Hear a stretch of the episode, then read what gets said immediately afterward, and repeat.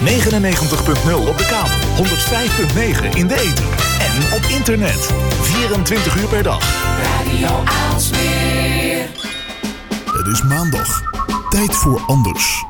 Tijd voor scherpte en innovatie. Tijd voor blikopende radio. Met Puur, Wilg en Lennart. Ja, het is maandag, het is 14 oktober 2019. Het is Blikopende Radio, aflevering 36 alweer. Ehm, ja, zonder puur vandaag. Uh, Annemaria die is ziek, dus vanaf deze plek ook uh, van harte beterschap gewenst natuurlijk. Ja, want onze rijkelijk gevulde uitzending, uh, nou ja, heeft een beetje griep ja, met zich mee. Ja. ja. allemaal een beetje brak, een beetje, nou net niet, maar goed. Dat, dat... Het is herfst in de studio. Ja, maar vandaag hebben we natuurlijk wel weer, wat je al zei, een rijkelijk gevulde uitzending. want de gast in onze studio is tech-ondernemer en oprichter van de start-up Travel with Zoe. Dat is Rai Bedal. En over zijn zoektocht naar een werkend businessmodel voor een idee dat de reisbranche helpt veranderen. Daar gaan we over praten. Klinkt interessant. Ja, hè? we vragen hem vooral uh, hoe die daar nou toe gekomen is. Ja, spannend. Welkom, uh, Rai. Ja, daar gaan we zo over hebben. Uh, natuurlijk hebben we ook um, de column van Jillis. Ja, ik ben benieuwd, onze privacy- en technologisch bezieler. Ja, de week van Wilg. En waarin jij doorneemt wat je opgevallen is afgelopen week. En ik heb weer allemaal leuke dingen. En als afsluiter ons toetje van de week, Ed Hermaniak, Herman Kouwenberg. Hmm, hij heeft allerlei slimme Twitter-dingen. Nou, genoeg redenen dus om te blijven luisteren. En dat kan ook tegenwoordig als podcast. Ga dan naar blikopener.radio voor de linkjes.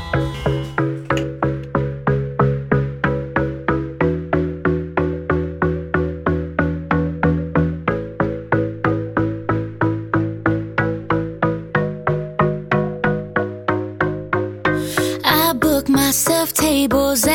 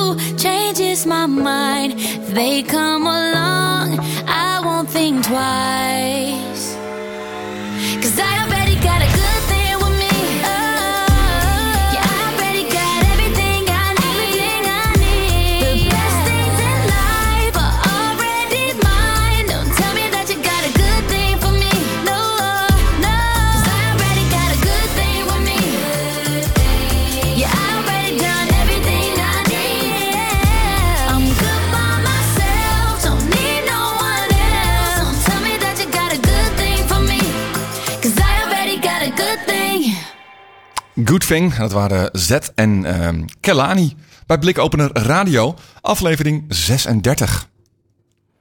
Ja, dat gaat sneller dan je denkt. Eh, Nou. van, vanavond in de uitzending dus eh Rai.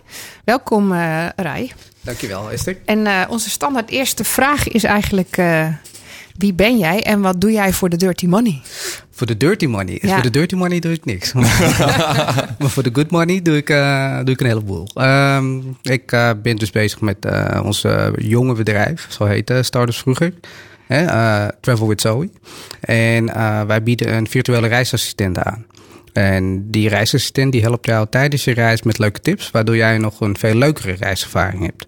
En het idee erachter is van, hey, eh, ik wil dat mensen zo meteen thuiskomen en dan zeggen, weet je wat, ik heb zo'n leuke vakantie gehad. En eh Zoe heeft me daarbij geholpen. Dus weet je wat, Zoe mag altijd wel mee.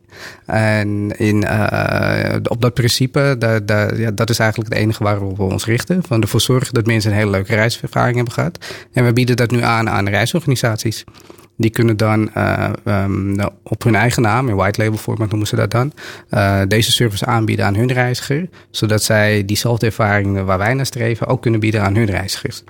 Wauw. En dat doe je als start-up Eh, ja, klopt. al een jaar of? Oh ja, dat doen we nu al een jaar of drie. Dit is het tweede bedrijfje in vijf jaar. Oké. Dus, Nou, dat, dat, dat- daar is iets aan vooraf gegaan, dat is duidelijk. Ja. Hoe, hoe, ehm, hoe ben je bij ondernemen uitgekomen? Bij ondernemen uitgekomen. Ehm, ik ben eigenlijk al sinds mijn eh tienerjaren bezig met eh, dingetjes verzinnen om eh, te kijken van oké, kan ik hier wat mee doen? Of dit lijkt me ook wel leuk. Kan ik er misschien wat geld mee verdienen? En Dus vroeger was het niet zo, ik wil brandweerman worden of dierenarts of zo. Nee, nee die, die behoefte had ik is niet om brandweerman te worden. En, en het is bij mij ook wel wat later op, op, op gang gekomen. Van het nadenken of oké, wat wil ik nou later worden? En, eh, en, en eh, wat, wat altijd bij me is blijven hangen is van ja, zolang het maar leuk is, dan, eh, dan is het best. Eh, en en dan, dan, kom je, dan word je dus heel creatief.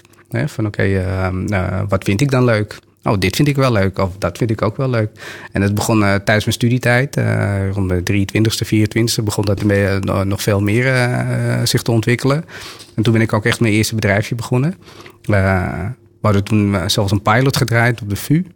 Eh, weet ik nog. En ja, uiteindelijk is dat daar, daar niks weer geworden. En denk ik van oké, nou ja, we hebben er even aan geproefd.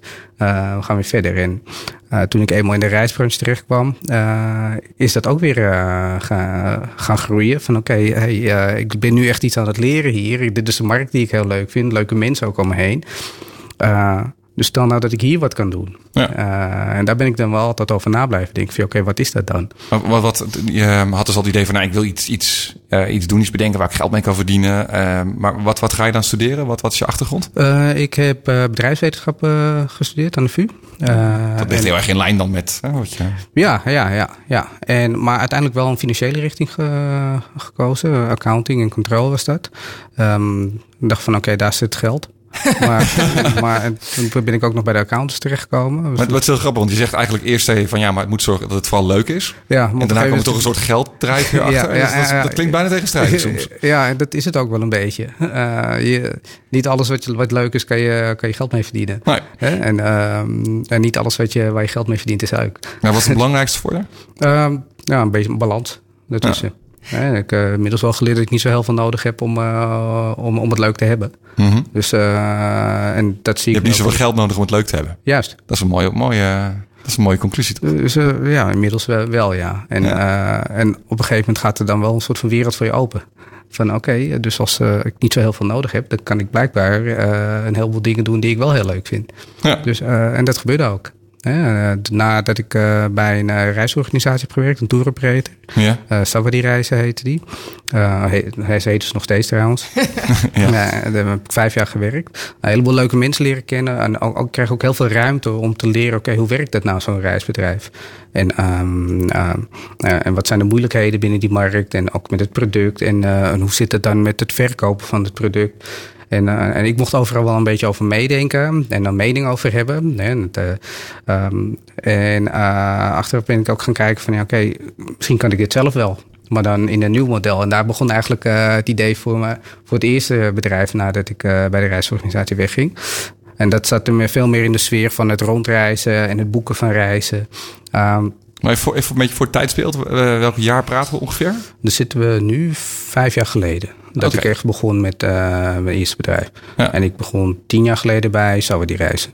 Oké. Uh, dus in die periode van vijf jaar wel heel veel geleerd. Hè? Ik wil zeggen, er is natuurlijk een periode geweest in, in de reisbranche dat internet en natuurlijk een enorme belangrijke uh, vlucht nam. En dat mensen online konden gaan boeken, et cetera. Waar hiervoor nog uh, veel meer een reisbureau of een reisagent nodig was.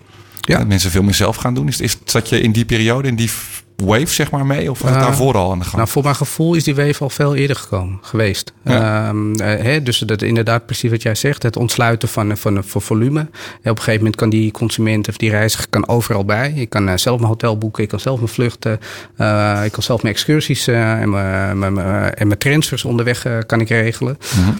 Alleen, uh, wat er ook tegelijkertijd gebeurde, er werd zoveel volume ontsloten, uh, dat je door, door al die bomen het bos niet meer zag. Hè? Uh, ga maar proberen we na te gaan. Oké, wat is nou goed? Uh, wat is kwalitatief goed? Uh, waar, waar haal ik de beste deal? Hè? en, en, en wie gaat mij dat vertellen? Wie vertrouw ik de voldoende om te zeggen van oké, dat is de beste deal. Of, dat is de beste kwaliteit. Nou ja, en dat brengt weer dus weer een ander probleem met zich mee van ja, keuzestress. En dus eigenlijk die, die, die rol uh, die je net beschrijft. Oké, okay, je gaat naar een reisagent toe of een uh, reisorganisatie toe. Je loopt binnen en de persoon achter de balie die, die helpt jou verder op een hele persoonlijke manier. Want je vertrouwt haar, want ze heeft alle kennis. Mm -hmm. uh, al die boekjes achter, uh, aan de wand. En die trekt uit zo'n boekje een reis van... ja, dit is nou iets, echt iets voor jou. nou, die rol komt steeds meer weer terug. dus die, alleen gebeurt er nu digitaal. En zo is het idee ontstaan voor een digitale assistent. Dat niet eens nog. Uh, dat is wel een stap daarin geweest. Hè? De, dus die rol van vroeger die komt weer terug. Maar um, uh, wat er uh, uiteindelijk uh, gebeurde bij ons... is dat het eerste bedrijf lukte dan niet. Hè? Dat, want, nou ja, op een gegeven moment zit je met een platform... net zoals alle andere platformen, platformen er zijn. En dan kom je erachter van, hey, in plaats van dat ik uh, ruis wegneem, voeg ik alleen maar toe aan extra, met extra ruis. Dus mm -hmm. ik ben een, alleen maar een platform erbij. En we zitten allemaal achter dat schermpje dat Google heet. Uh, en als iemand een zoekopdracht heeft, een leuke reis naar Thailand, ja, dan komen, we, komen er uh, wat een miljoen hits. Ja, en wij zijn een van die vele miljoenen hits. Ja, want dat probeerde je met dat eerste bedrijfje. Hè? Van kan ik dan zeggen wat ik het beste vind? Kan ik dan Juist. misschien iets toevoegen aan die ruis? Juist. Ja. Alleen het is heel moeilijk om je te onderscheiden als ja. iedereen op dezelfde manier uh, zich profileert. Ja. Hè? En, um, maar je was dus zover, je had vijf jaar bij het reisbedrijf gewerkt. Ja. Uh, toen dacht van, nou, nu ga ik zelf iets doen. Ja, juist. En dat werd je eerste zelfstandig alleen gestart? Heb je met, met partners? Ja, nee, dat deed ik toen met een uh, partner. Ja? En uh, nou ja, uiteindelijk uh, is dat gewoon niet van de grond gekomen. En dat, en dat meerdere redenen. Eigenlijk de top 10 fouten die je kan maken in, in, in een start-up, die hebben we wel gemaakt. Ja? Wat, wat, wat zijn de... ja, wat was dat is een mooie, blik, mooie ja. blik over voor mensen die, die zelf ook misschien wel bezig zijn daarmee. Wat, wat, wat zijn nou veel gemaakte fouten die misschien op het eerste oog helemaal niet zo voor de hand liggend zijn? Uh, het, echt de, de, grootste fout die we hebben gemaakt is, uh, is het, tenminste fout, uh, de grootste learning, ja, ik het zo maar ja, even noemen, de, die, die, ik heb gehad. En de, wat we nu ook echt anders doen, doen is um, het contact met uiteindelijk de gebruiker. Voor wie doe je het nou? En, en hoe zorg je ervoor dat je de focus op die gebruiker blijft houden? En, en dat gaat niet van achter een bureau met mooie modellen. Nee, je moet echt met mensen in gesprek en je moet er echt uh, over nadenken van oké, okay, willen ze er wel voor betalen? Tuurlijk, dat ze het leuk vinden is één. Maar uh, gaan ze er ook voor betalen? Dat is twee. En zo ja, zijn er meerdere, zijn er meerdere die ervoor willen betalen. Nou, niet alleen maar je eigen uh, uitgaan van wat jij denkt. Nee. Dat mensen willen. Inderdaad. En, en wat wij... Dat lijkt me heel moeilijk ervan. Um, Want als je jezelf ja. kan voorstellen van ja, dit, dit zie ik wel mezelf wel doen. Dat is natuurlijk niet representatief aan wat iedereen doet natuurlijk. Um, even kijken, hoe bedoel je dat? Nou ja, als het in jouw hoofd zit wat je bedacht hebt, dan denk je, nou, dit is zo. Ja. Dat wil niet zeggen dat iedereen dat zo ziet. Hè? Dus dan moet je dat, dat N is 1 eigenlijk moet je Ja. omzetten in, is dat ook N is eh 3000 of zo. Ja, ja, ja. Ja. juist, juist, juist. En dat heeft ook wel een beetje, als ik heel eerlijk ben, ook wel beetje te maken met, eh, met, met een stukje ego. Hè, van, uh, van de, de, manier waar wij, tenminste, zo, uh, als je ons toen hoorde, dan was het er wel zo van: oké, okay, uh, we weten het allemaal wel. We weten wel hoe die gebruiker in elkaar steekt. Mm. Wij zijn die gebruiker. Ja. alleen, alleen ja, er zijn niet zoveel gebruikers als je zelf bent. Inderdaad. En er waren gewoon niet zo heel veel mensen die ervoor wilden betalen. Dat was één. en twee, de focus op, op het bouwen van een product. ja, daar, daar, ik denk dat dat wel een fout is die heel veel start-ups maken. Gewoon, dat je gewoon jarenlang of, of, of een periode lang intensief bezig bent met iets te bouwen. Waar je uiteindelijk achter komt van oké, okay, uh, de bouw gaat ten eerste heel langzaam. Uh, je hebt niet de kennis, kunde uh, en, en, middelen om dat goed te doen. Ja, nou vooral die middelen lijkt me. Want, want het ja. zijn van een start-up, dat houdt onmiddellijk in volgens mij dat je ook helemaal geen geld hebt. Want je, want je hebt ja. nog niet iets wat je verkoopt. Dat is er nog niet. Nee, klopt, klopt, klopt. En de, dus je gaat, je focus verleg je ook naar van oké, okay, hoe ga ik het product bouwen? Ja. In plaats van hoe ga ik die klanten aan me binden.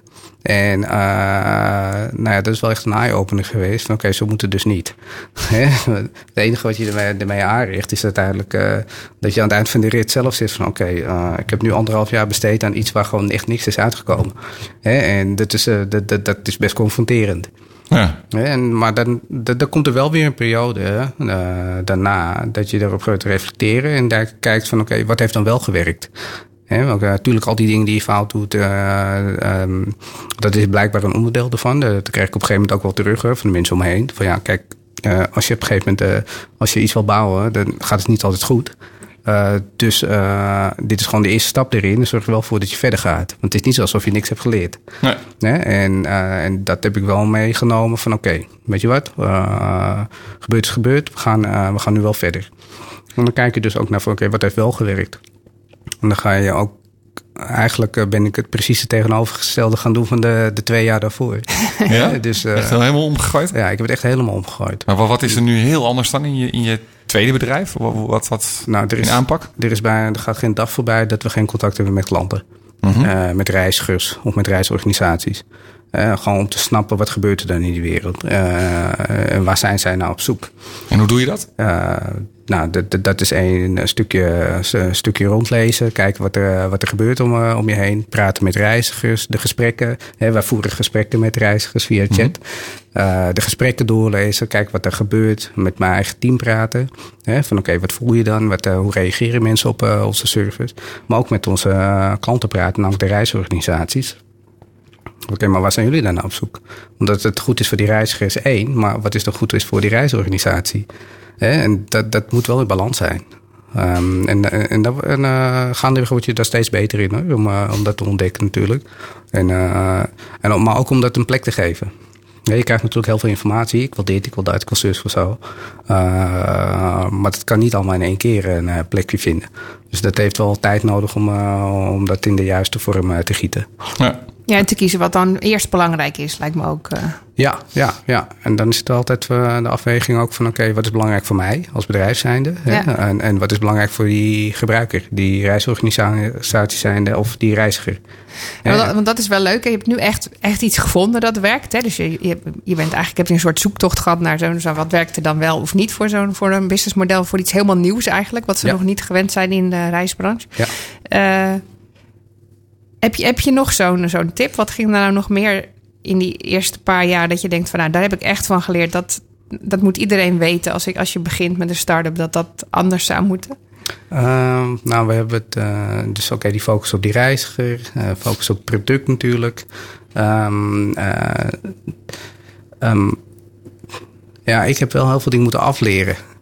dat, dat vooral. Hè? Dus ik, had, ik had eigenlijk al aan het begin van die reis dan het idee van, oké, okay, ik weet het allemaal wel. ik heb al die ervaring. Je hebt dus flink gestudeerd. gedaan. Ja, ja. je kan het allemaal wel. Ja. en, uh, maar uh, met het ondernemen, dan, dan word je wel heel erg geconfronteerd met van... oké, okay, uh, de standaard modelletjes uit het boek... of de manier waarop dat voorheen werd gedaan...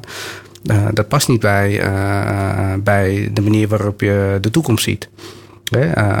als je dingen hetzelfde houdt, verandert er niks. Dus, en, en je wil iets nieuws neerzetten... wat, wat eigenlijk in de markt nog niet bestaat.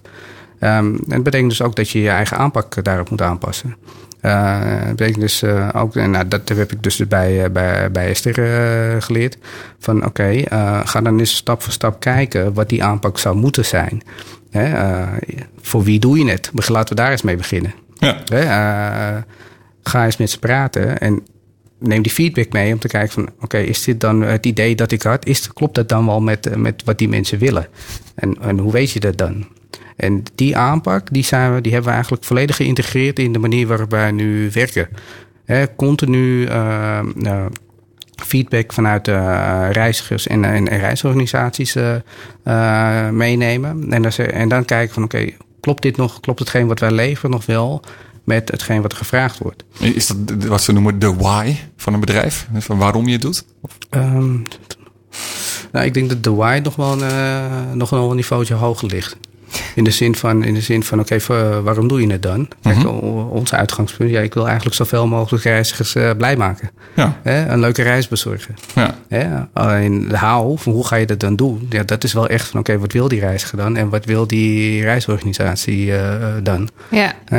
Maar ja, goed, ik kan me ook voorstellen dat je daar een soort van visie moet hebben dat je net iets verder wil. Want die reisorganisatie die weet wat hij nu wil. Mm -hmm. Maar jij zegt eigenlijk, hé, hey, maar ik bied, jou, hè, ik bied jou een soort van blik in hoe het eigenlijk zou moeten. Ja. Hè, wat, wat anders kan. Ja. Dat, dat zijn ze misschien nog niet zo gewend. Dus je zal, ook, zal daar ook heel erg uh, sturend keuzes in moeten maken. Want als je alleen op afgaat van nou, wat zouden ze willen? Dan kom je misschien op, niet op iets uit waar jij naartoe wil. Ja, ja, en dan ga je dus wel op zoek naar, oké, okay, wat is het gezamenlijke belang dan? Ja. Hè? Uh, en wat, wat bij ons heel erg speelde was, oké, okay, uiteindelijk willen allemaal die blije reiziger. Want ja. die blije reiziger die komt uiteindelijk bij jou terug. Ja. Hè? Uh, bij jouw organisatie terug. En, uh, en onze, uh, onze, rol, onze rol daarin is dit. En jullie rol daarin is dat. En als je dat uh, goed op elkaar kan afstemmen, die rollen, dan, dan krijg je wel wat moois. Kijk, want het toekomstbeeld, echt het beeld van over vijf jaar of tien jaar. Ik zou het fantastisch vinden als op een gegeven moment dat, we, dat je een reisorganisatie binnenloopt. Je wordt er heel persoonlijk geholpen met kwalitatief hoogwaardige informatie, producten en dat, uh, en, die, en, en die hoge kwaliteit van service wordt doorgetrokken tijdens de reis. Je hebt een fantastische reiservaring terwijl je op, de, op je bestemming bent. En terwijl je terug bent, denk je van... weet je wat, ik heb echt zo'n topreis gehad. Ik ga volgende keer weer met die mensen mee. Oh ja, weet je, kan je me ook nog helpen met mijn volgende reis? Hè, als dat kan, ja, dan doen we dus iets wat er nu nog uh, gewoon niet gebeurt. En dan ga je eigenlijk weer terug naar dat hele oude model. Waar die reisagent op de hoek... Uh, ja, je begon je zin met uh, als je binnenloopt. Ja, juist. En dan ga je weer reisorganisatie. En dat is natuurlijk in jouw geval waarschijnlijk virtueel. Ja, juist. Toch? Het is een online dienst, neem ik aan, die. Ja, juist. Het onderdeel wat wij verzorgen wel, ja. Ja, maar uh, je kan je voorstellen dat uh, er zijn nog steeds mensen die uh, binnenlopen bij een reis, reisbureau of mm -hmm. een reisagent. En die boeken daar nog steeds een reis. Maar... Er is natuurlijk laatst een hele grote omgevallen met Thomas Cook. Ja, is dat, is dat iets? Is dat. Um, hoe moet je dat zeggen? Is dat tekenend in, in, in die industrie dat daar hele grote veranderingen gaande zijn? Uh, Als ik het zo hoor, wat je, wat, wat je beschrijft en wat je aanbiedt. Ja. Uh, en je zegt, nou, mensen gaan weer terug naar een traditioneel reisbureau. Of, uh, dat, dat model. Ja. En er is er net eentje, zeg maar, zo'n hele grote die dan, of de grootste die het langst bestaat, die dan eigenlijk omdondert. Ja. ja, ja hoe, hoe, hoe, verhoudt zich dat? Is dat. Nou, nou, is... Zit daar een oorzaak-gevolg in, bij wijze van? Of een soort van.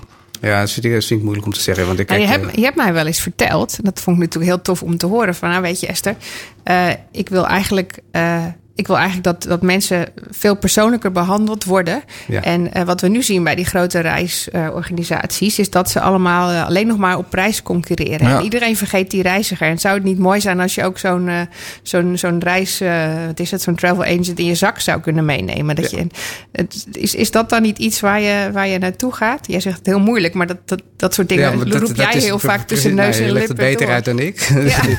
Dus, dat heb eh, je mij verteld ooit. ja, ja, ja, en bedankt. En nou, leuk ook dat ik het aan jou wel eh, goed weet te vertellen. dus, hè, ehm, maar dat is uiteindelijk wel waar ik naartoe ga. Ja, dus dat je gewoon eh on-demand eh, een, een travel agent beschikbaar hebt. En die gedurende jouw hele klantreis eh, ondersteunt. Ja. Ja. Wat mooi. Maar, dus, maar, maar jij zorgt er dus ook voor dat er nu iets kan gebeuren in die, in die reisbranche. Want jouw klanten hebben, hebben, hebben een voordeel, zeg jij nu. Die, die moeten met jou, als je, als je, hè, die kunnen veranderen daardoor. Ja, klopt. Kijk, en, en wat wij zien, kijk, je hebt natuurlijk meerdere partijen in die markt. Hè. Eh, je, eh, zoals wij ernaar kijken, je hebt de, de, de wat traditionelere partijen, hè, zo- zoals de reisagenten, tour operators. En je hebt echt de, de, de high-tech eh, bedrijven die vol, die vol met developers zitten en alleen maar volume weten te ontsluiten. Ja. Nou, voor, de, voor de ene kant van het spectrum, daar weet je een stukje innovatie mee te nemen. Hè, hè, van oké, via, via eh, kanalen die, die eh, van deze tijd zijn, eh, kan je die reiziger verder helpen. En voor de andere kant van het spectrum, dat hele, kan je dat hele persoonlijke inzetten, Ja. omdat, het, omdat die heel erg zit op de techniek. Hè? Dus je, in principe, wat wij zeggen, in de toekomst zou je beide kanten van het spectrum kunnen helpen. En vind je jezelf dan een techbedrijf of een service? Vind ik. eh, Sorry voor die moeilijke vraag. Ja, dat vind ik een hele moeilijke vraag. Want het is ook een discussie die we intern wel eens hebben. Ja, wat zijn we nou? Zijn we nou een techbedrijf? Zijn we een reisbedrijf? Zijn we een servicebedrijf? Ja, eh, kijk, waar het mij om gaat, is, eh, maakt niet uit hoe iedereen het noemt. Uiteindelijk willen we die reiziger helpen. Ja. En als we dat voorop willen stellen, als we dat voorop stellen, dan, dan, komen we er wel. En en zoals ik het zie, tech is slechts een enabler van het kunnen helpen van die, van die reiziger. Hè, en, eh, want er spelen ook nog een a- aantal andere elementen een rol. Namelijk, heb je de juiste informatie om iemand goed te helpen? Ja. En twee, eh, snap, je, eh, sna- snap je hoe iemand denkt? Hè, dus dat hele persoonlijke. Eh, en die drie, die mix, zorgt ervoor dat, eh, eh, dat, dat we iemand heel goed kunnen helpen. Tof. En dat is, dat is ook hetgeen jullie onderscheidend maakt. Dat is je gouden ei. Dat is je... Ja, ja ik denk dat, eh, dat we het juiste recept hebben gevonden. Dus eh, de in- iedereen kent de ingrediënten wel, maar uiteindelijk gaat het erom van oké, wat maak je ervan? Ja. En, ehm, en daar hebben we wel echt eh, ja, inmiddels vijf jaar over gedaan. Om, eh, om te snappen van oké, wat is de juiste mix? En, en dat is echt het model ook wat, wat Esther heeft neergezet. Van ja, oké, je blijft met die verschillende ingrediënten spelen. Eh, een beetje van dit, een beetje van dat. Om uiteindelijk tot die perfecte mix te komen. En, en, en hoe weet je dan of je die, eh, want, eh, of je die perfecte mix hebt? Nou, dat, dat is dus ook de feedback die je krijgt vanuit die reiziger. Van, ehm, eh, hoe blij zijn ze ermee? Ja. Door continu contact te onderhouden met die reiziger, krijg je dat ook gewoon terug. Van, hey, want in het begin was misschien maar een kwart van de mensen blij met onze service. ja. Maar zo begin je wel. Ja, natuurlijk. Maar inmiddels zitten we op dat bijna 95% van de reizigers echt heel blij is met ons. Nou ja, en dan, dan, dus, dus we worden steeds beter in wat we doen. Hey, je, je moet heel creatief blijven, hè? Eh, om daar elke dag eh, opnieuw eh, met die ingrediënten aan de slag te gaan. Ja. En dan zag ik dat jij daar wel een aantal leuke rituelen voor hebt. Hoe, hoe blijf jij nou creatief? Ja, door vooral niet op dezelfde plaats te blijven werken. Dus echt, ja, ik ben bij, bijna twee, drie keer per week gewoon echt op reis door Amsterdam. dus gewoon, of ik zit bij mijn ouders thuis te werken, of zelf thuis, of op kantoor, of in een cafeetje. eh zorgt ervoor dat ik eventjes uit mijn eigen omgeving word getrokken. Eh, krijg je andere impulsen. En eh, soms helpt het ook om je even af te sluiten en te kijken van, eh, oké, waar ben ik ook weer mee bezig? Hè? Dus eh, dat vind ik wel belangrijk, ja. En, en reis je zelf nou ook veel als je, zo'n, als je een start-up hebt in de reisbranche? Is dat dan iets wat je nog doet? Eh, nou, reizen is ook verbonden, eh, ge- gekoppeld aan welke middelen heb je om te kunnen reizen. dus, en, en, en waar we het net over hadden bij een start-up, ja, oké, dat moet groeien. en Ehm, goed, wat staat er nog op de bucketlist dan? eh, qua reizen, eh, nou ja, ik moet echt nog wel een keer een hele mooie wereldreis maken. Eh, eh, dat is wel begonnen bij, bij, waar ik, eh, bij, bij het bedrijf waar ik ben begonnen, bij Saudi Reizen. Ik had op een gegeven moment collega's die, die waren in meer dan eh, 30, 40 landen geweest. Een aantal zelfs in meer dan 100 landen. En ik kon er gewoon niet bij van hoe kom, kan jij in de tijd dat, dat je bezig bent met reizen al in 100 landen zijn geweest. En dat wil ik ook. En nou die, die ambitie is er nog steeds om, om, om, een keer, om daar wel een keer op te, te komen. Ja. En goed leren surfen, zag ik. Ja, en goed leren surfen, zeker. zeker, zeker. Ja, ja, dat is toch wel een uitdaging. In welk land zou je dat het liefst doen? Ehm, wat ik heb begrepen is dat, dat, eh, dat je dat het liefst zou willen doen eh Indonesië, Bali. Mooi. Oh, klinkt wel mooi. Ja. Nou, dan, eh, dan Wat willen wij daar de foto's Ik moet het eh, zelf van nog gaan zien. ontdekken, Ja, maar- precies. Ja. dan, eh, dan willen wij er de foto's van zien en dan kom je maar vertellen hoe dat was. Oké, zal ik doen. Leuk. Als mensen meer over je willen weten of je willen volgen op bijvoorbeeld socials, hoe kunnen ze dat doen? Ehm, je kan me het beste een mailtje sturen en gewoon eens langskomen op kantoor. En als mensen eh, de- de- je be- bedrijf, je site willen Ja. vinden, dat is? Eh, dat is travelwithzoe.com. Ja, En eh, ja, vol, volgens ons het beste ons gewoon eh, op LinkedIn. Nou, dat is helemaal duidelijk. Ja, leuk. Dankjewel voor je eh, komst naar de studio. en Graag eh, gedaan. interessante blikopeners in deze uitzending.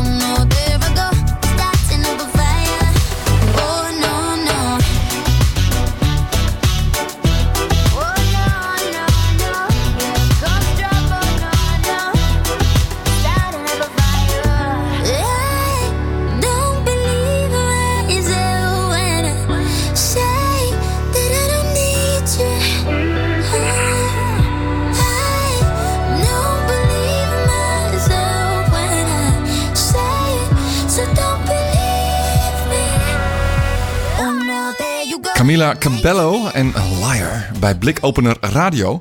En het is tijd voor onze techniek- en privacy-bezieler. Jelle Schoeneveld. Jelle, goedenavond. Groeneveld. Groenendijk, sorry. Ja, een klein beetje een, zwaar weekend gehad. Laten we het daarop houden, maar in positieve zin. Waar gaan we het over Gaan hebben, we Jelle? meteen beginnen? Ja hoor, brandlos. Oké. Eh, nou, daar zit ik weer achter mijn pc. Een groen dollarteken op mijn scherm. Ik tik in vi slash home slash serial slash wait.html. Sunday, July 23rd, 1995. Gain 2.5 kilos. Bonus. Saturday, my wife and I, this is getting boring, went to a barbecue party again. This time I did not touch the meat. I only ate the Spanish bean dish. I really loved it. But instead of getting it five times, I should have served myself only once. Een dagje later gaat de telefoon. Er is een DDoS op de website van de provider. Ik had al vermerkt dat mijn homepage eruit lag. Na onderzoek bleek dat mijn homepage zelfs de oorzaak was van de DDoS. Het Amerikaanse fitnessblad Mens Health had een artikel gewijd aan die gekke Nederlander die elke dag zijn gewicht online zette en daarbij de reden eh, als hij was aangekomen. En zoveel verkeer kon die arme provider niet in één keer aan. Ik ben tot mijn achttiende eh 65 kilo geweest. Ik kon eten wat ik wilde en kwam geen grammetje aan. Het moment dat ik op mezelf ging en ook voor mezelf ging koken, bracht daar verandering in. Niet alleen maakte ik elke dag wat ik lekker vond, maar ik vond het ook erg lastig om maat te houden. Zeker als je net op jezelf gaat. Je eerste echte IT-salaris. En je kunt doen en laten wat je wil. Met een groep vrienden was het bijna elke dag feest. Eten en drinken stonden er centraal. En binnen een jaar zat er 20 kilo aan en een jaar later nog eens 20 kilo. En bewegen deed ik nauwelijks. In een poging om af te vallen greep ik alles aan dat maar kon. Allerlei diëten, weetwatjes, EGA, Montignac, een leven lang fit. En natuurlijk werkten ze allemaal. Eh, je had alleen erg veel behoefte aan alles wat je juist niet mocht eten. En als er iets dan goed tegen zat, was, het moment, was dat het moment waarin alle schade werd ingehaald. Maar ook de techniek werd niet geschuwd. 2004, Dance Dance Revolution, dansen op een matje op de Xbox. Niet zozeer om af te vallen, maar zo bewoog je wel meer. 2006, Nike en eh, de iPod. Met een stappenteller in je schoen, verbonden aan de iPhone. Strijden met jezelf of met anderen. 2007, Wii Fit op een balanceboard, trappen lopen, yoga doen en werken aan je lichaamshouding. 2008, eh, Your Life Rhythm, waarbij je met een losse stappenteller aan je Nintendo DS je dagelijkse targets probeerde te halen. En tot slot in 2009 Runkeeper, waarin je het rondje kan delen dat je net gelopen hebt. Als je de foto's uit 2009, eh, de tijd van poken ziet, herken je me niet meer terug. Super slank, een echte slikrik. Eh, als het dan weer tegen zat, was eten altijd een zwak punt. Een uitlaatklep, een dempingsmechanisme. Zoiets heeft een naam. Binge eating disorder. In 2012 ben ik hiervoor een jaar in therapie geweest. Ik heb veel geleerd over kopingsmechanismes, over voeding, over porties, over ingesleten gedrag. Het was een zoektocht naar de oorzaak van alles. Ik schreef toen: Het is alsof je jaren bezig bent geweest om een dertienkoppige draak in je op te sluiten. Dat is gelukt, maar eist een tol. Je moet hem voeden. Van de veeën hoor je dat je de draak niet moet voeden, anders wordt hij te groot en sterf je eraan. Blind uh, volg ik het advies en ik weet diep van binnen dat dat gevolgen heeft. Alleen nog niet welke. De veeën beweren dat het goed komt. Je bent sterk en je doet het. De draak wordt linker, pislink wordt hij. Zo kwaad heb je een draak nog nooit gezien. Eén voor één schieten de sloten los. Het doet pijn en de draak spaart je niet. Hij is er klaar mee. En tja, ik weet het niet goed. Het zou goed komen, vertelde de vee. Inmiddels weet ik verstandelijk hoe ik hiermee om moet gaan. Toch gaat het regelmatig mis. Als ik mijn oom, mijn moeder en mijn maatje verlies, stort ik me volledig in mijn werk en kom ik aan. Veel aan. Eind augustus ben ik topzwaar. Kleren kan ik alleen nog via de postorde kopen, want mijn maat is niet meer in winkels te krijgen. Ik krijg van alles en nog wat last en er moet van echt iets gaan uh, gebeuren. Begin september gaat de knop om. Er moet iets gebeuren. Met wat kleine aanpassingen probeer ik het tijd te keren. Ik eet stevige donkere boterham in de ochtend. Ik eet een maaltijdsalade in de middag. En s'avonds eet ik alleen nog maar één normaal bord eten. In plaats van de pan leeg. En in plaats van frisdrank drink ik nu water. Ik ben nu 20 kilo kwijt. Ik voel me al een heel stuk beter. Ik kan weer oude broeken aan en zelfs mijn schoenen zitten een stuk ruimer. Maar ik ben er nog niet. Het is nog een lange weg te gaan.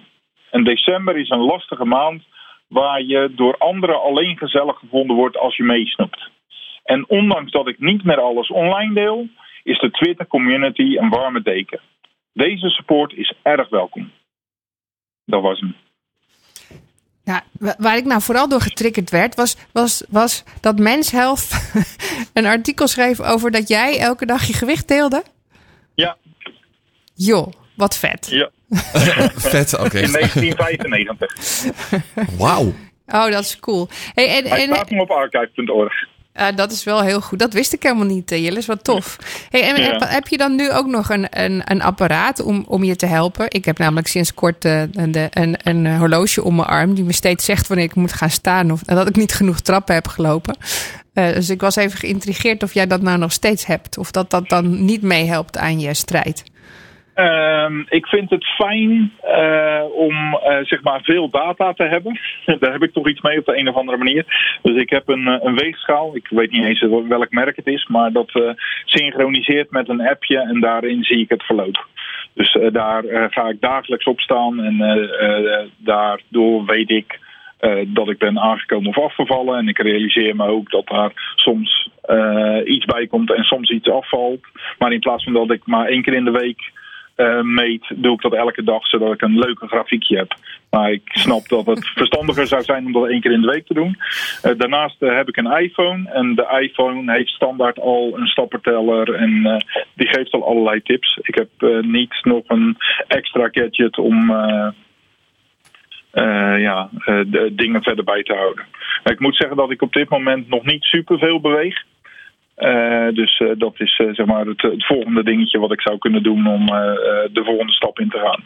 Maar in ieder geval ja, ben ik de, de ergste ballast nu inmiddels kwijt. Nou, gefeliciteerd daarmee. hartstikke goed, Jillis. En, en mooi ook hoe, hoe je techniek, hè, wat toch de passie is, hoe je dat uiteindelijk hoe je dat kan helpen om te motiveren. Dus dat is misschien ook wel in het kader van de blikopeners een goede, een goede rode draad dan. Ja, Dankjewel. Als mensen eh, jou willen volgen of er meer over willen weten, hoe kunnen ze eh, dat het makkelijkste doen? Jillis underscore com op Twitter. Hartstikke mooi. Jillis, dankjewel. Oké, graag gedaan.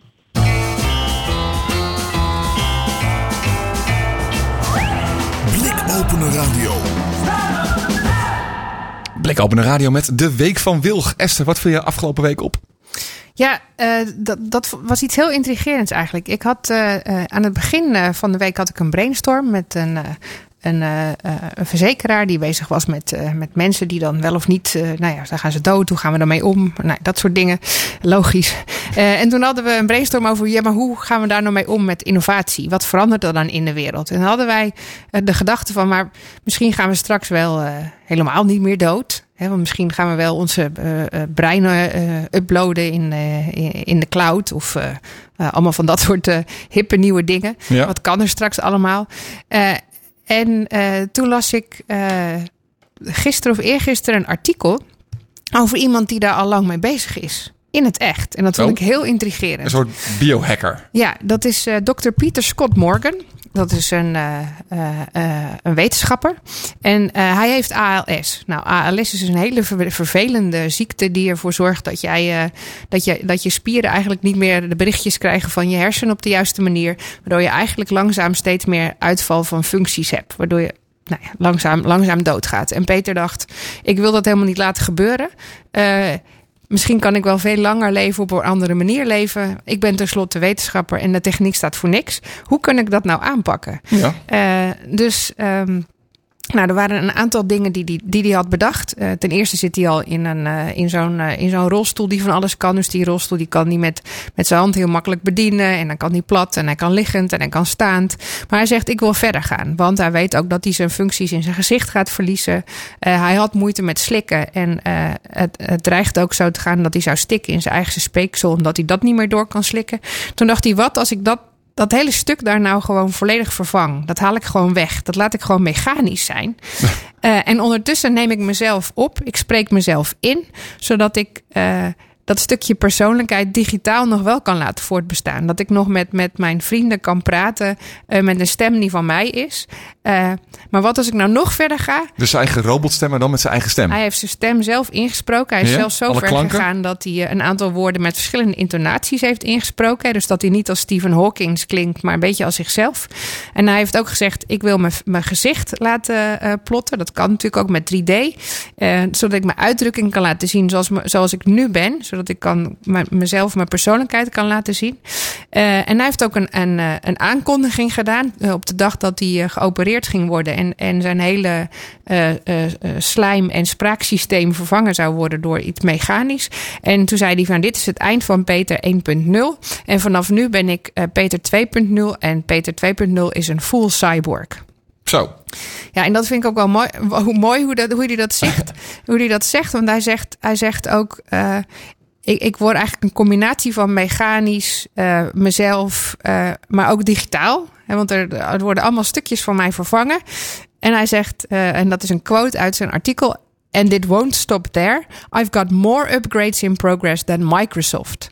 Mine is, isn't just a version change, it's a metamorphosis. En hij zegt ook van nou, ik leef nu al langer dan dat er voorspeld was eh, eh, door de doktoren met, eh, met ALS.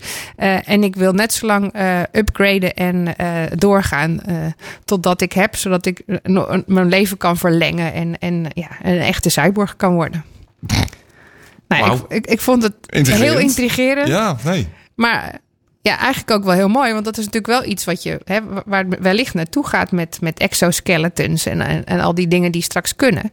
Eh, in hoeverre kan je dit soort dingen uitstellen en jezelf op een andere manier voort laten beleven? Misschien grappig. Ik moet terugdenken aan de uitzending die we hadden met eh, Peter Joosten uit mijn hoofd. Ja, Eh, de, ja met, de, met de ring. Ja. Ja, met de ring. En, en die ook inderdaad een chipje geïmplanteerd had en zo. Maar dit gaat natuurlijk veel verder. Dit gaat veel verder, want er worden echt onderdelen van, van hem weggehaald. Ja, Eh, en met mechanische onderdelen het vervangen. is wat anders dan een pacemaker of een... Ja, een, eh, ja. En, en wat hij verliest aan, aan stem- en gezichtsuitdrukking kan dan weer virtueel voort, voortbestaan. Eh, dus ja, hij zegt ook: I'll be part hardware, part wetware, part digital en part analog. nou, dat is een mooie combinatie. Zo. Nou ja, ehm, verder lag, zag ik een heel kort artikel waarin eh, eh, de ING zegt van nou, we moeten eigenlijk zelf ook met digital currencies aan de gang. Hè. Dus eh, ik had het al eerder gehad over die, die Facebook die met zo'n currency wil beginnen, Libra. En dan zegt, zegt de Europese bank van ja, maar dat, dat kan eigenlijk helemaal niet. Wij moeten ook iets met er, ergens mee beginnen als bank zijnde. Ja. Ehm, en daar stond bij in dat artikel van: is dat wel een, een goed idee? Want eh, ja, dan, dan is er straks misschien helemaal geen cashgeld meer. En is het wel goed voor een economie en een maatschappij om geen cashgeld meer te hebben? Uh, ja, en dat vond ik een, een, hele goede vraag. Ik zag bijvoorbeeld ook al een, een, een, uh, een concept store, dus zeg maar een probeerwinkel van Albert Heijn, uh, waar je binnen kan lopen. Uh, waar, waar je een, een app in je, op je telefoon hebt die dan registreert of je iets oppakt of weer teruglegt. Zodat je als je naar buiten loopt gewoon automatisch afrekent. Zonder dat je daar ja. iets voor hoeft te doen. Dus we worden ook steeds meer uh, wordt er bijgehouden van wat we doen, waar we heen gaan. En als dat dan uh, uh, volledig digitaal ook met je, met je geld gebeurt, dan is er dus eigenlijk geen mogelijkheid meer om, om dingen nou ja, privé te doen. En de vraag is natuurlijk. Alles wordt getracked. Want die, ja. die, een eigenschap van, van cryptocurrency is natuurlijk dat elke transactie uh, vastgelegd, vastgelegd, is in is. die currency, ja, in het digitale bestand. Dus wat kan je dan nog uh, ja, op een andere manier doen? En, en hoe goed is dat voor een, voor een maatschappij? Nou, daar heb ik zelf eigenlijk geen antwoord op, behalve dat ik altijd vind dat er minimaal 20% eigenlijk, heb ik ooit geleerd, uh, cash zou moeten zijn om een maatschappij een beetje goed te laten draaien. Omdat je dan, ik zeg altijd, de wereld is, is een beetje golvend en een systeem is vierkant en dat past niet in elkaar. Dus je moet altijd hier en daar de randjes vullen, vullen met een beetje, ja, een beetje cash. Met een beetje cash of olijfolie of net, uh, net hoe je het noemt. Het is ook bizar trouwens over dat Libra gesproken van Facebook. Uh, dat allerlei partijen zich daar nu ook weer uit terugtrekken. Uh, ja, dat kan ik me ook wel voorstellen. Want, want dan bepaalt Facebook waar, waar we heen gaan en hoe dat gereguleerd is. Nee, maar ik bedoel, er waren natuurlijk partijen die daarin, uh, in, in uh, PayPal en dat soort partijen, die waren daarin gestapt. En nu er toch wat tegengas komt van centrale banken en, en wetgevers. Hè, van dat het allemaal niet zo makkelijk gaat hè, in 2020 uh, om daarmee van start te gaan. Dat, nou, dat lijkt misschien toch best wel niet helemaal te lukken.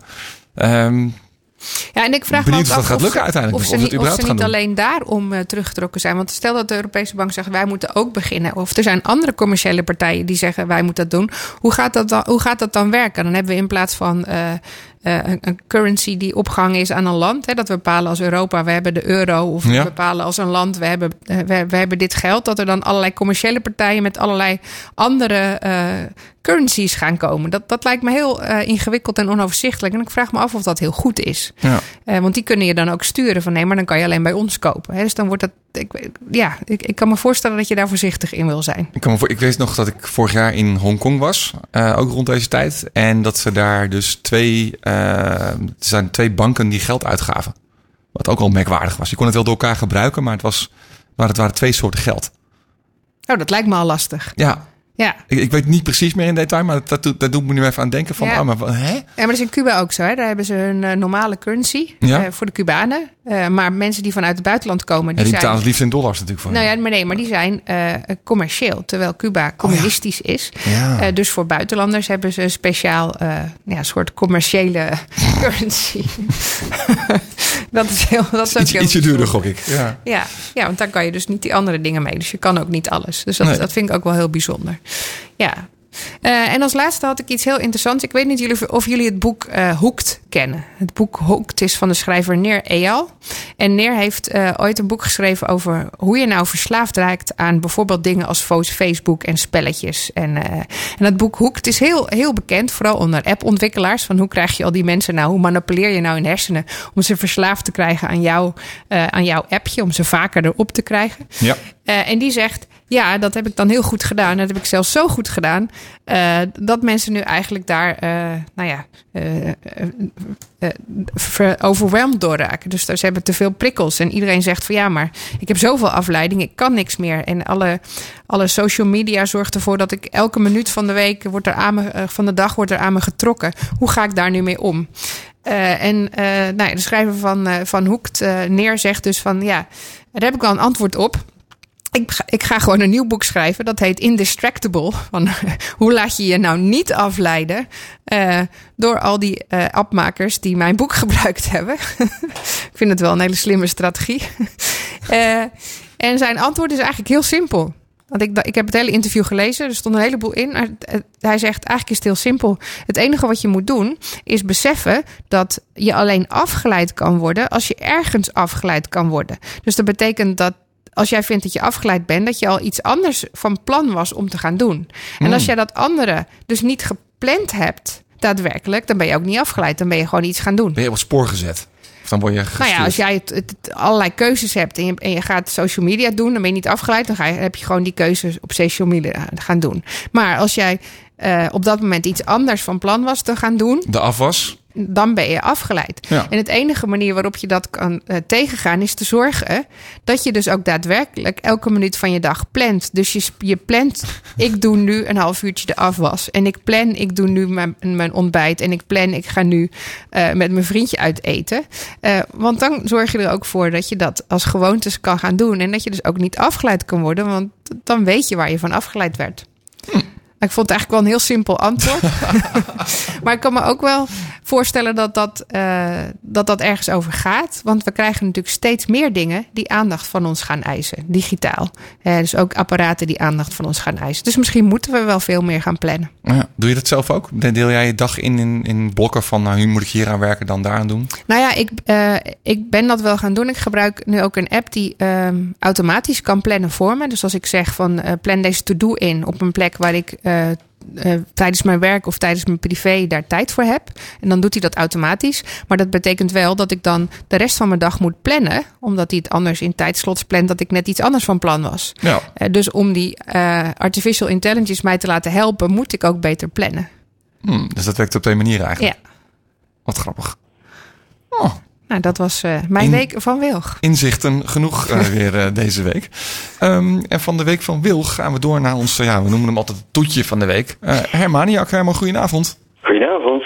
Nou, ook wat fijn dat jij weer in de uitzending bent. En eh je had ook weer een aantal eh, mooie nieuwtjes voor ons verzameld. Ja, eh, ik had vanavond trouwens ook een nieuwtje van Willig. Eh, ik had de term wetware nog niet eh, bedacht voor eh, het menselijk lichaam. maar ik, ik vond hem wel goed. Ja, ja. ja. Eh, we beginnen vanavond met eh, een hulpmiddel voor eh, al die mensen die, net zoals ik, graag hun tweets in chronologische tijd willen lezen. En dan liefst eh, op eh, twitter.com. Dus een plugin voor Chrome en eh, plugin Chrome en eh, voor, plugin voor Chrome en Firefox. Ja. En die is gemaakt door Kent Brewster. En als je die plugin in je browser eh, installeert, dan krijg je als je op twitter.com krijgt, eh, kijkt, krijg je altijd de laatste tweets als eerste. Ah, dus die, die frommelen die pagina een beetje in de goede volgorde, zodat je het weer in tijdlijn ziet. Maar die, dan hoef je dus nooit meer op, de, op die sterretjes te klikken van ik wil het een Nee, of het nee, ander. nee, want die sterretjes die, die hebben de irritante neiging om alleen die sessie te doen. En eh, tenminste, dat is bij mij. En eh, ik, ik heb graag altijd de chronologische tijdlijn. Ja. En eh, met mij meerdere, tenminste. want als ik daarover eh, tweet, dan eh, krijg ik die tweets nogal vaak retweets en eh, reacties en likes en dergelijke. En ik zie dat er ook veel op de links geklikt wordt. Dus vandaar de tip. En hoe heet dat? Twitter zou het eh, echt in de app ook moeten fixen. En hoe heet dat? Eh, Ken Brewster heeft die eh, dingen gemaakt. Eh, Al, alle links zijn in de, de tweets van afgelopen week terug te vinden. Heel goed. Eh, voor mij, Ed Hermaniak. Eh, een vraag, eh, hoeveel mensen volg jij? Leonard? Eh, ben ik niet, niet heel erg actief op Twitter. Nee, Willig, hoeveel mensen volg jij? Nee, volgens mij rond de duizend. Rond de duizend. Weet je zo wie het meeste eh, tweet van al die mensen die jij volgt? Ja, puur. Dat dacht ik dus Dat verbaast me niks, maar dat lijkt, ja. Maar eh, in mijn top 12 komt puur niet voor. En Ah, dus dat lijkt omdat zo. ik een toeltje ontdekt heb, dat heet True OTA. Eh, link weer eh, erom in de tweets van de afgelopen week eh, bij mij terug te vinden. Eh, maar als je je, je account daaraan koppelt, dan krijg je precies te zien eh, welke van de 12 accounts eh, het meeste tweeten in jouw timeline. Ah, en dat kunnen natuurlijk ook mensen zijn die ik, die ik volg, of die, die ik volg ergens aan de andere kant van de wereld, die s'nachts heel hard zitten te twitteren en ik dus helemaal niet zie. Ja, nou, ik, ik- ik lees alles van iedereen, dus, eh, maar ik maar 260 mensen. Maar eh, in mijn geval is het dus Mashable, die stuurt 11,28% van de tweets die ik lees. En zo, eh, zo is een, ja, in mijn geval zijn het bijna allemaal nieuwsoutlets. Eh, daar gebruik ik Twitter ook heel veel voor. Maar ik krijg ook te zien van in de, of ze in de top 10% zitten van de meest actieve twitteraars. En een paar leuke statistiekjes voor de cijferfreaks onder ons. Maar kan het je dan helpen om te denken van, oh, maar als dit zoveel procent van mijn eh feed zeg maar uitmaakt, vind ik het dan wel de moeite waard? Ja, ik bedoel, eh, zo van, oh, de- maakt het zo druk. En eh, goh, ik, ik lees eigenlijk, het is, het is een soort heroverweging. En eh, nou, dan kun je die mensen ontvolgen, waardoor je weer ruimte krijgt van om andere interessante accounts of mensen te volgen. Nou, nuttig. Nou, eh, het volgende nieuwtje wat ik eh, tegenkwam was eh, emojis en hoe vaak die gebruikt worden. En wel onderzocht door Unicode. Eh, dus zeg maar de mensen erachter eh, de Uiteraard, emoji ja. eh, onze toestemming te geven en dat wij ze allemaal kunnen gebruiken. Welke emoji denk jij dat het meest gebruikt werd? Oeh, Tenzij je mijn tweet van de week gezien hebt, dan mag je het niet zeggen. ik heb niet gezien, dit tweet. Eh, de lucky third. Eh, third. Third. Lucky third. ja, de gelukkige drol. Nee, nee, nee, nee, er komen helemaal geen drollen voor eh, in de top 5. Avocado's. Nee, aubergines. Nee, nee, Nee. Ook, niet, ook niet. Nee, we zijn allemaal eh, erg, erg gelukkig en blij. Duimpje eh, omhoog? Want eh, het lachgebekje met de traantjes. 9,9% van al de emojis die gebruikt worden zijn eh lachgebekje met de traantjes. Ah. Daarna komt op 6,6% het hartje. Het, eh, de emoji, het lachgebekje met de hartjes als ogen 4,2%. En ik vermoed dat dit onderzoek na Valentijn gedaan is. Maar eh, het, het gedraaide hoofdje met het lachen en de traantjes, is weer 4,2 procent. En dan zo, eh, zo eh, gaat dat maar door. Helaas, eh, toen ik net eh, voordat ik keek, eh, voordat jullie, toen ik naar jullie aan het luisteren was, de URL controleerde, heeft eh, Unicode op die webpagina iets verkloot. En eh, hij is dus niet meer eh, te vinden, maar ik had het plaatje nog. Maar Oh, deze link, eh, die zal binnenkort wel weer gaan werken, eh, is terug te vinden. Maar wat ik nou interessant vond is, is worden er nu eh, ook steeds vaker emojis gebruikt in plaats van woorden? Is dat, is dat aan het veranderen? Dat zou ik nou interessant vinden. Nou, je, zie- je ziet wel, eh, zeg maar, in tweets eh, nog niet zozeer. Ik denk dat het in de WhatsApp-berichten wel veel meer voorkomt en in DM's. Eh, ik, was, ik was gisteren niet geheel per ongeluk was ik jarig. En ik moet zeggen dat ik op een gegeven moment ook maar overschakelde op eh, emoties om te, te antwoorden. En niet meer eh, iedereen uitgebreid eh, ging hartelijk be- bedanken. Nee, gewoon klaphandjes. Of, eh, Ja, eh, zo van, hey, een duimpje omhoog, dank je.